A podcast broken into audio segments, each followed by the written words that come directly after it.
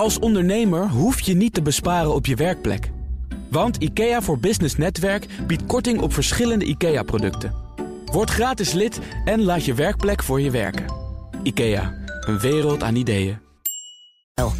Ondernemerspanel. MKB-bedrijven met veel personeel hebben in het coronajaar 2021 flinke winststijgingen behaald. En de EU heeft een voorlopig akkoord bereikt over hogere minimumlonen. Dat en meer bespreek ik in het ondernemerspanel met Joyce Knoppen van ProParents en Daan Weddepol van Peerby. Welkom. Goedemiddag. Goedemiddag. Met allereerst natuurlijk aandacht voor jullie eigen nieuws. Joyce, wat wil jij onder de aandacht brengen? Ja, ehm, mijn nieuws eh, van eh, vandaag, of eigenlijk dat is mijn nieuws wat komende week komt. Wij hebben dinsdag een uh, hosten wij een European Expert Meeting on Gender Inclusion, Sustainability and Workplace Wellbeing. Oh, je Engels is er ja, klaar voor. Dat is zeker. Nee, we hebben een Europese partner uit Brussel. Dus er komen meer dan uh, 40 uh, internationale gasten. Allemaal experts op dit thema. Wetenschappers, beleid en praktijk. Dus ook werkgevers uit ons netwerk. Uh, en de bedoeling is dat we brug gaan bouwen. Omdat we zien dat het een heel hot thema is. Hè, ook in het kader van ESG-rapportage. Iedereen wil iets met de S van social en sustainability. En gender inclusion staat natuurlijk hoog op de agenda. Wat we deze week ook weer hebben gezien met de uitbreiding vanuit quota vanuit Europa naar 40 procent. Dus wat je eigenlijk ziet is dat werkgevers uh, denken: oké, we moeten, nee, we willen, nee, we moeten nu echt hier iets mee. Maar hoe krijgen we inzage wat de belemmeringen zijn? Wat moeten we nou gaan doen? Waar beginnen we? Uh, hè, dat, uh, daar uh, ja, zoeken ze heel erg handvatten voor. En wat je ook ziet is dat ja, Europese partners vanuit Brussel, maar ook in alle landen, willen gewoon met wetgeving ook dat echt dat vliegwiel goed aanzetten. Ja, want ik wil het niet al te procedureel maken, ja. maar er komt een rapportage aan. Ja. ESG is natuurlijk ook al heel veel gebruikt. De bedrijven weten dat dat moet. Ja. Maar wat als ze het nou niet doen? Um, nou, kijk, uiteindelijk de rapportageplicht komt er. Volgens mij tot op heden mag je zelf kiezen hè, waar je op gaat rapporteren. En ik denk dat dat ook goed is, omdat iedere bedrijf een andere ja, environmental, social en governmental impact heeft. Hè. Dus je moet dat ook bedrijfsspecifiek maken. Maar wat je wel ziet, is dat veel uh, bedrijven denken: ja, universeel over alle branches en sectoren heen zit er een gap rondom gender. En daar, ja, hè, als er nou één is die we echt wel te pakken willen krijgen, dan is hem dat. Dus uh, die, uh, ja, daar is veel belangstelling voor. We gaan Daan maar even feliciteren met jouw ronde. Dankjewel. Yay. Dankjewel. Peerby, 2,3 miljoen opgehaald. Ja. Klopt dat? Ja, hè? En break-even. En heel hard gegroeid. En misschien wel het, belangrijkste, want je, je pikt ja. het er nu uh, allemaal maar uh, uit. Break-even, ja. dus het model klopt. Ja, nou dat is denk ik het belangrijkste. Het businessmodel werkt. Dus we, zijn, uh, we, kunnen, we kunnen alle salarissen betalen en het bedrijf laten bestaan en laten groeien van het geld dat het oplevert om te doen wat we doen. Nou, en dat is denk ik heel goed nieuws voor ons. Maar dat is misschien zelfs wel heel goed nieuws voor de wereld. Want dat betekent dat er dus een businessmodel is voor duurzaamheid. En dat was heel lang de vraag bij ons. Waren vaak mensen die zeiden: ja, er is geen verdienmodel voor minder consumeren. Maar dat is er dus wel. Ja, fantastische prestatie. Als je dus, want je hebt het omgegooid, kiest voor een lidmaatschap. Hè, dat is ja. volgens mij toch wel vrij bepalend geweest in het feit dat je nu andere cijfers kunt laten zien voor de mensen die de afgelopen zes, zeven jaar de introductie hebben gemist. Wat doet Peerby ook alweer? Peerby is een website waar je spullen kan lenen van mensen in de buurt. En uh, ja, dat doen we inderdaad met een lidmaatschap. Want heel veel mensen die delen graag gratis met hun buren. Dus ja, daar verdienen wij niks aan. Worden we wel heel blij van. En dat is ook heel goed voor het milieu. Maar ja, het was dus nog zoeken naar hoe, hoe kunnen wij dat delen uh, laten voortbestaan en groter maken. En dat, uh, dat kan je, bent daar uh, vrij openhartig geweest op de radio, televisie. Je hebt er een boek over geschreven. Wat zijn nou de momenten geweest dat je dacht: ja, dit, dit is een hartstikke mooi idee, maar het gaat niet vliegen. Ik moet misschien toch eens gaan nadenken over de toekomst van mezelf, van mijn bedrijf. Ja. Poeh, ja, er zijn heel wat momenten geweest. Het, het spannendste uh, was nadat wij een tweede grote pivot hadden gedaan. Want we zijn, je zou kunnen zeggen, we zijn eigenlijk de derde start-up met de naam Peerby. Um, de tweede variant, uh, toen we erachter kwamen van ja, dit kan eigenlijk niet doorgroeien. Dit wordt alleen maar duurder naarmate het schaalt ja. en, en levert niet meer op. En dat moment dat je je afvraagt: ben ik nou gestart aan iets wat helemaal niet kan? Uh, dat, dat herinner ik me nog wel, ja. En het enige wat mij toen op de been hield, was dat ik dacht: als het wel lukt, dan heeft het heel veel impact. Want de spullen die we consumeren, dat is het grootste gedeelte van onze uh, ecologische voetafdruk.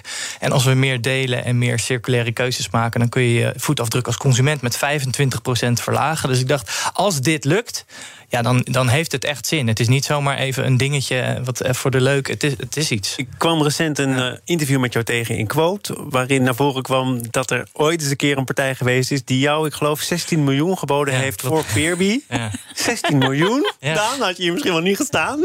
of misschien met een ander bedrijf. Ja. Hoe serieus heb je het voor mogelijk gehouden om daar eens op in te gaan? Um, nou, ik moet je zeggen, toen ik het bod kreeg, toen heb ik meteen gezegd: ik ben niet geïnteresseerd. Want ik dacht, dat is hoe dan ook de beste onderhandelingsstrategie. Uh, of ik het nou wel. Even los of ik het meen op dat moment, maar dat ga ik wel zeggen. Ja.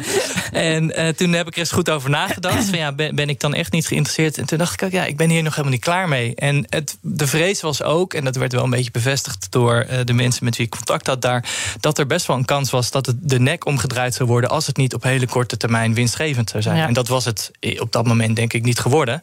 Dus dan had ik eigenlijk mijn, mijn baby met het badwater weggegooid. Eh, weliswaar met 16 miljoen op de bank. Maar um, ja, nee, dat is uh, toch. Uh, ja, is, je moet kiezen tussen je kindje of een grote som geld. Dan ga, ja, ga ik toch voor mijn kindje. Ja, ja, Dat, dat kan de oprichter van ProParents denk ik wel beamen, toch? Nou, kijk, wat natuurlijk een fantastisch verhaal. Uh, dat je ook als ondernemer gewoon gelooft in een missie ongeacht hoe moeilijk dat is of hoeveel pivots heet dat dan zo mooi. Maar uh, ja, dat je natuurlijk toch uiteindelijk ga je voor die impact die je wil maken in de samenleving op een zo groot mogelijke schaal. En omdat je gelooft dat je als je een bedrijf bouwt, hè, as a force for good, zeg maar, dat dat, dat mogelijk is. Omdat je ziet welke verandering er in de samenleving is. Kan het niet ook zo zijn dat je zelf misschien wel staat te kijken van het feit dat er een gek is die het ervoor over heeft? Uh, nee, dat, je dan toch denkt, nou, eh, dat, dat is toch mooi meegenomen. Tuurlijk. Het is niet gelukt om het winstgevend te krijgen. Ja. Wordt hier nu misschien wel hartstikke rijk. Ja. 16 miljoen. Ja. Succes ermee. Nee, dat zou ik natuurlijk ook denken. En wat kun je allemaal ook met 16 miljoen doen? Hè? Want hoeveel geld heb je in de tussentijd op moeten halen om het bedrijf überhaupt naar dit niveau te krijgen waar je bent? Maar ja, uiteindelijk zit je, zit je natuurlijk daar als ik in ieder geval, als ik jouw verhaal luister en hoe ik erin zit, je zit natuurlijk ook gewoon voor, voor de game en de lol en het leerervaring die je hebt en hoe je dagen eruit zien en wat je ochtends doet en smiddags, dat is gewoon aan geen mens uit te leggen als je niet ondernemer bent. En dat is natuurlijk gewoon ook heel leuk, de, ja, het plezier wat je daarin hebt. We gaan van die hele mooie 2,3 miljoen van Peerby even naar uh, een andere divisie, mag ik wel zeggen. Backbase, dat is het eerste Nederlandse bedrijf in de techsector... dat de titel Unicorn op mag spelden... met een waardering van meer dan 1 miljard. Nou, laat dat maar achterwege. Het is 2,5 miljard. Hè. Het heeft 120 miljoen euro op gehaald bij een Amerikaanse investeerder. Ehm, en dat is voor het eerst. Het, het, bedrijf bestaat al een hele tijd. De oprichter zei ja, het doet er wel toe om het vooral zelf te gaan proberen en zo laat mogelijk te beginnen met het eh, ophalen van geld. Ben je onder de indruk van de prestatie? Ja, ik ben enorm onder de indruk. En wat ik ook zie is dat het ook qua timing echt past bij een ontwikkeling die je natuurlijk ziet komen, en die al een hele tijd gaat, namelijk moeten we wel dat hele burn, burn, burn en geld ophalen. Terwijl de founders op dat moment helemaal nog niet weten hoe ze een operatie moeten draaien, et cetera. Dus ik zag dit ook echt als een signaal. de herwaardering van de bootstrap founder. Gewoon pivoten, zoeken, hebben daar positief draaien, doorontwikkelen, weer verder, eh, groeien, organische groei, terug naar voren, naar achter. dus ik denk ja, en dan, ik heb dat zelf ook jaren gedaan. Tot je denkt, ja, hij klik, klik, klik, nu zit hij goed en dan ga ik geld ophalen. Oh, dat heb jij ook gedaan? Dat heb ik ook gedaan, dat klopt. Maar wat je ziet is dat.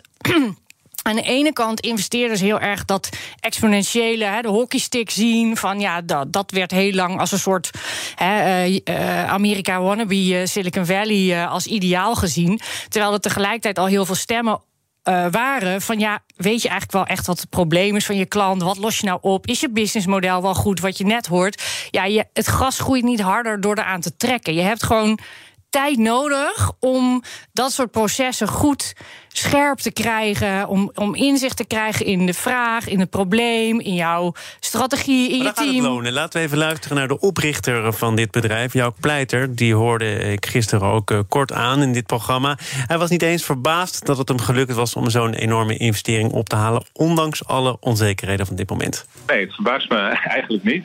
Um, ik begrijp wel de achtergrond van je vraag. Kijk, uh, ik denk dat de timing op dit moment uh, voor heel veel bedrijven heel erg lastig is. Hè. Dus de timing is echt bijna contra, om het zo te zeggen. Alleen, ik denk dat er wel een heel groot verschil is tussen bedrijven die echt product market fit hebben en een bewezen groeitrack record hebben. Dus ik denk dat het uh, vooral iets zegt over de kwaliteit van Backbase. Nou, je mag ook uh, zelfverzekerd zijn uh, na zo'n succes. maar hij zegt wel, het doet ertoe. Je product is er klaar voor, de markt is er klaar voor. Het is bewezen. De tijd dat er zomaar geld werd uh, geïnvesteerd in bedrijven... die nog een hele wereld voor zich hadden... maar die wereld moest überhaupt nog worden gecreëerd, gemaakt... dat is voorbij.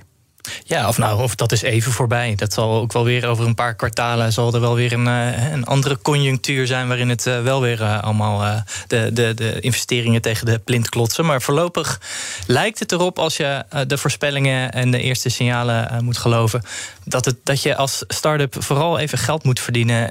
en dat, dat dat het belangrijkste is. is. Is dat niet ook gewoon heel gezond? Hè? Even aanhakend op wat Joyce zei. Je kan verbranden wat je wil, maar uiteindelijk moet het wel iets gaan opleveren. Nou, je hebt het aan de ja. lijve ervaren. Uh, zou dit niet altijd de blik van investeerders moeten zijn? Dat denk ik wel, ja. Ik denk dat er te, in tijden dat het geld tegen de plinten aanklotst... er zijn bedrijven die kunnen met heel veel geld veel harder schalen... en die kunnen dan een markt veroveren en dan slaat het ergens op. Maar er zijn ook, denk ik, allerlei bedrijven... die hebben het inderdaad nog geen product market fit. Die, die weten helemaal niet hoe ze dat geld kunnen inzetten... om sneller te groeien. Uh, ja, die geef je extra geld en dan uh, gaat het er echt wel uit, hoor. Dat is helemaal niet zo moeilijk geld uitgeven. Dat, uh, dat lukt mij ook heel goed als je, als je, als je nog geld uitgegeven wil hebben. Ik doe dat met liefde. Um, maar, maar had je misschien toch die 16 miljoen moeten accepteren. ja, ja, dat ja, ja. Uh, maar uh, nee, ja, het, het, het, is, het, als het te makkelijk is om geld op te halen, dan ga je, gaan sommige bedrijven domme dingen doen. En dat heb ik eigenlijk ook gedaan in een naïeve periode toen ik net begon. En eigenlijk nog niet zo goed snapte hoe een start-up werkte. Dacht ik, nou, wij hebben geld opgehaald. Wij zijn lekker bezig. Uh, laten we vooral een heel groot team gaan aannemen. En dan gaan we overal aan werken.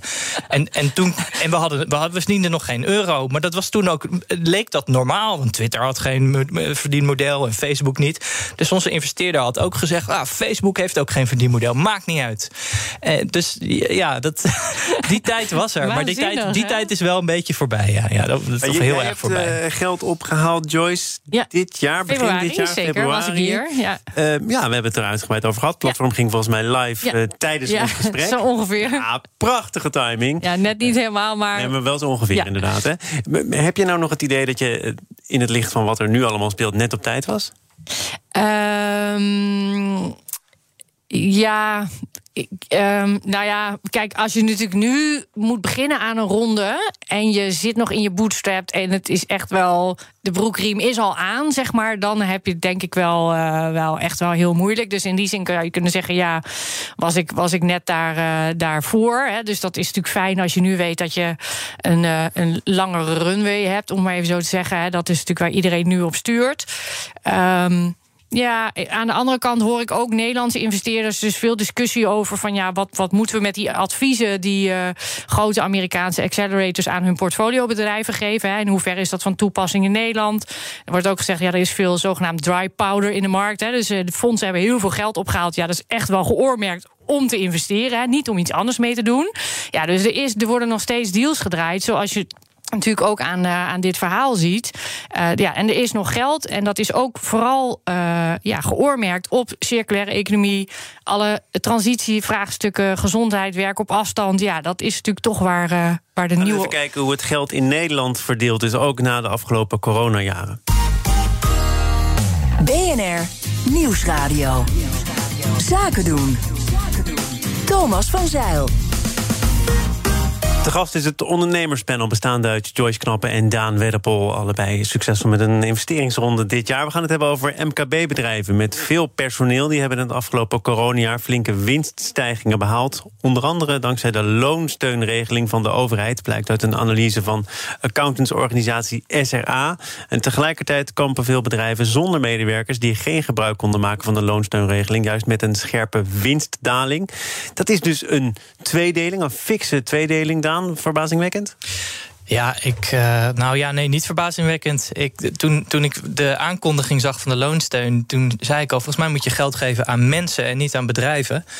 Uh, en volgens mij is, is, is dit wereldbeeld van, van bedrijven ondersteunen is een beetje het is een soort bedrijfscentrisch idee van hoe de wereld werkt. Ik word er niet blij van. Uh, en nou ja, nu zie je dus. Het idee was toch juist dat bedrijven door deze regeling mensen in dienst konden houden, waardoor ja. je de mensen ondersteunt? Ja, ik had liever een soort experiment gezien met een soort basis basisinkomen. Want je creëert nu een tweedeling. En niet zomaar een tweedeling. Je creëert dus eigenlijk een versterkte positie van bedrijven. die dus niet goed bestand zijn tegen een crisis.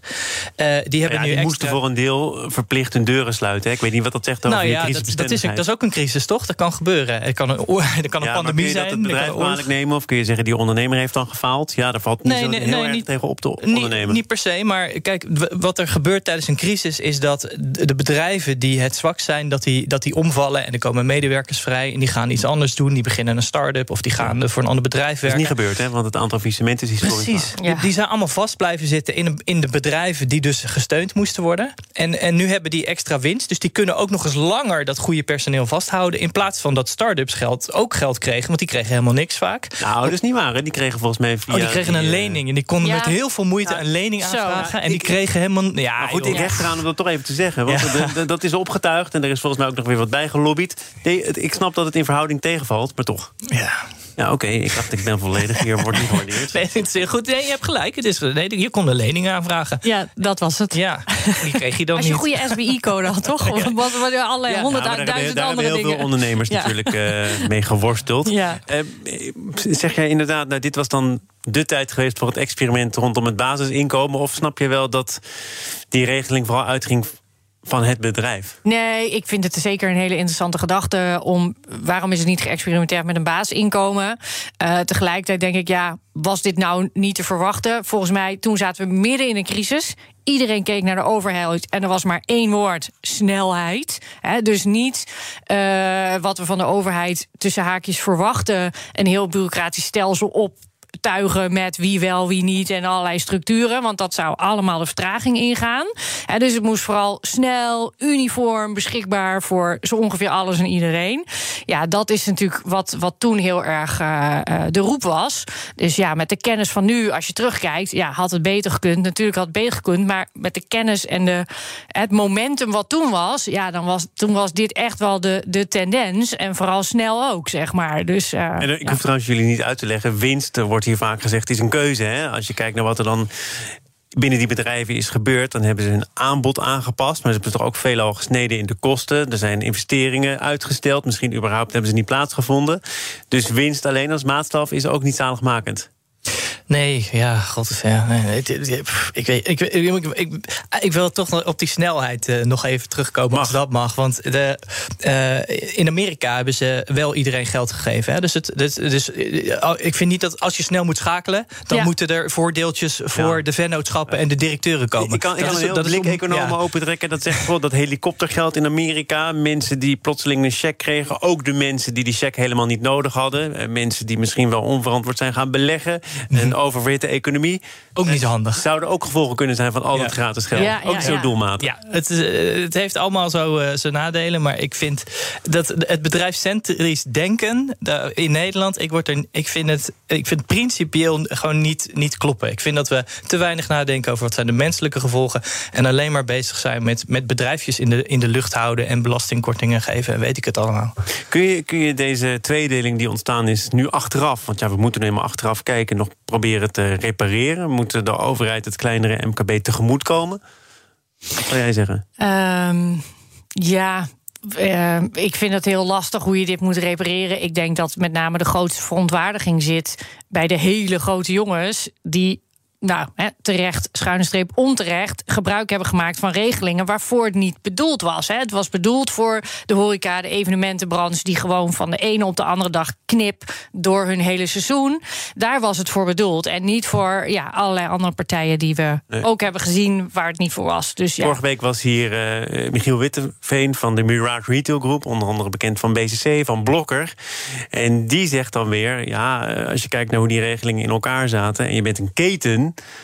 Ja, Ja. dan eh, zat je helemaal aan de verkeerde kant van de score. Dus die vindt dan weer dat hij te weinig ondersteund is. Toch ook het grotere bedrijfsleven. Ja, snap ik. Het zal vast niet voor alle grote bedrijven gelden. Maar laten we dan voor, voor eh, bedrijven die in die periode eh, veel winst hebben gemaakt en steun hebben gekregen, tijdelijk even een speciaal belastingtarief instellen. Net, net even wat hoger op de winstbelasting. Kunnen we misschien ook die, hè, dat tekort bij de, de, de, die andere de, de, nou, de mm, vermogensbelasting, kunnen we dat nog even eh, aanvullen. En dan eh, hè, is dat gat ook weer gedicht. Mooi, als, als, als Daan hier geweest is, dan is de hele wereld, De wereld- ja, joh. Circulair, een betere Ja, plek geworden. Ik los het, Ah, los dat- het allemaal even op. Dat, dat kan ik eh, zeer waarderen. ik eh, dank uiteraard ook eh, Joyce Knappen van ProParents... Daan Wedderpol van Peerby. Hopelijk tot snel. Zometeen dan eh, hoor je onze buitenlandcommentator... over de situatie in Oekraïne. En het is vrijdag, dus over start-ups gesproken. Ze zijn er wel degelijk en ze gaan het weer proberen. Ze mogen zelfs hier in BNR Zaken doen een pitch geven. Een kleine update maakt een wereld van verschil. Daarom biedt IKEA voor Business Netwerk gratis snelle interieurtips en ideeën. Word gratis lid en laat je werkplek voor je werken. IKEA, een wereld aan ideeën.